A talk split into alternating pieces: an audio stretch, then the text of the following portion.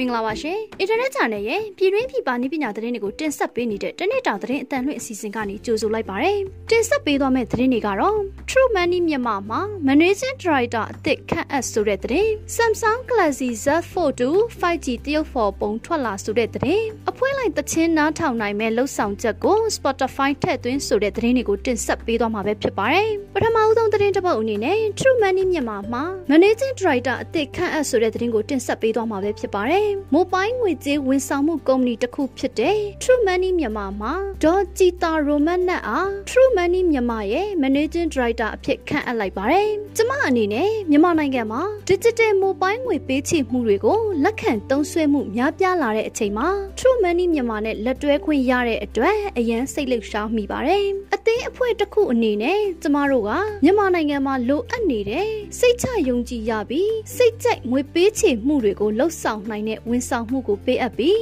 သုံးစွဲသူတန်ပေါင်းများစွာနဲ့မိဖက်ကုမ္ပဏီများကိုတိုးချက်ပေးသွားနိုင်ဖို့အဆက်မပြတ်စ조사လျက်ရှိပါတယ်။ကျမတို့ True Money အနေနဲ့ COVID-19 အခြေအနေမှာသုံးစွဲသူများရဲ့လိုအပ်ချက်တွေကိုထည့်သွင်းစဉ်းစားပြီးပြည်ပကနေပြည်တွင်းကိုငွေလွှဲဝန်ဆောင်မှုကိုအသုံးပြုရတဲ့အခါပြည်သူလူထုအတွက်အသက်တာဆုံးဝန်ဆောင်မှုကိုရွေးချယ်နိုင်စေရမယ်လို့အခိုင်အမာယုံကြည်ထားပါတယ်လို့ဒေါ်ကြည်တာကပြောကြားခဲ့ပါတယ်။ဆက်လက်ပြီး Samsung Galaxy Z Fold 2 5G တရုတ်ဖော်ပုံထွက်လာဆိုတဲ့သတင်းကိုတင်ဆက်ပေးသွားမှာပဲဖြစ်ပါတယ်။ကောလာဟာလာထွက်ပေါ်နေတဲ့ Samsung Galaxy Z Fold 2 5G ကိုဩဂတ်လ9ရက်က Unpacked ပွဲမှာမိတ်ဆက်ပါတယ်။အခုထွက်ပေါ်လာတဲ့တရုတ်ဖော်ပုံအရာ Samsung Galaxy Z Fold 2 5G ကိုကျင်းနီရောင်နဲ့အနက်ရောင်ဆိုပြီးတော့ထုတ်လုပ်ဖွယ်ရှိပါတယ်။ Samsung Galaxy Z Fold 2 5G မှာ punch hole selfie ကင်မရာနဲ့ဘေးဘက်မှာ notch အကြီးစားတစ်ခုပါဝင်လာပါတယ်။အပြင်ကမျက်နှာပြင်က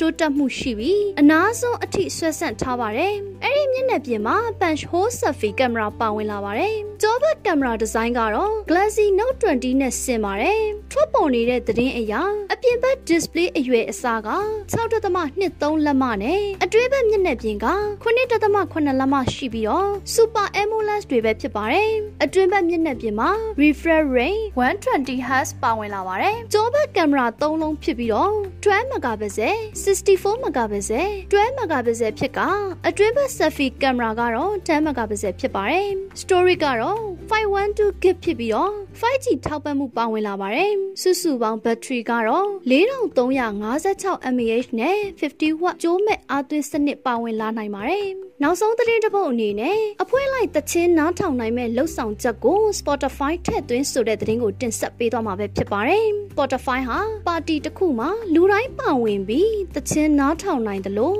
လူစုလူဝေးရှောင်ရှားနေချိန်မှာအဖွဲလိုက်တချင်းနားထောင်နိုင်မဲ့လှုပ်ဆောင်ချက်ကိုထည့်သွင်းလိုက်ပါတယ်။ Spotify အနေနဲ့ Group Session ဆိုတဲ့အဖွဲလိုက်တချင်းနားထောင်တဲ့လှုပ်ဆောင်ချက်ကိုတိုးချဲ့လိုက်ပါတယ်။အဝေးရောက်နေတဲ့မိသားစုနဲ့တငယ်ချင်းတွေနဲ့အတူတချင်းတွေနားဆင်နိုင်ပါမယ်။ Group Session ကိုစတင်အသုံးပြုဖို့ဘယ်ဘက်အောက်ခြေက Connect menu ကိုတွားရပါတယ်။ပြီးတော့ Start a Group Session ကိုနှိပ်ပါ။ သုံးဆွဲသူကတငယ်ချင်းတွေနဲ့မိသားစုဝင်နဲ့ invite link ကိုဝေမျှနိုင်တယ်လို့ကိုကိုလည်း scan လုပ်ပြီးပူးပေါင်းနိုင်တယ်။ Group Session အဖွဲ့ဝင်တိုင်းကတချင်းတွေကိုရက်တာကြော်တာနဲ့ထပ်ထည့်တာတွေလည်းလုပ်နိုင်ပါတယ်။အခုတင်ဆက်ပေးသွားတဲ့သတင်းတွေကနိုင်ငံတကာနဲ့ပြည်တွင်းမှာရရှိထားတဲ့ဤပညာသတင်းတွေကိုအင်တာနက်ဂျာနယ်ကနေတင်ဆက်လိုက်တာပဲဖြစ်ပါတယ်။အခုလို COVID-19 ဖြစ်ပေါ်နေတဲ့ကာလမှာပြည်သက်တွေအနေနဲ့လည်းကျန်းမာရေးနဲ့အာကစားဝန်ကြီးဌာနရဲ့လမ်းညွှန်မှုတွေနဲ့အညီလိုက်နာဆောင်ရွက်ခါနေထိုင်သွားလာဖို့တိုက်တွန်းလိုက်ပါတယ်။ကျွန်မကတော့ဝေဝေမြင့်မို့ပါ။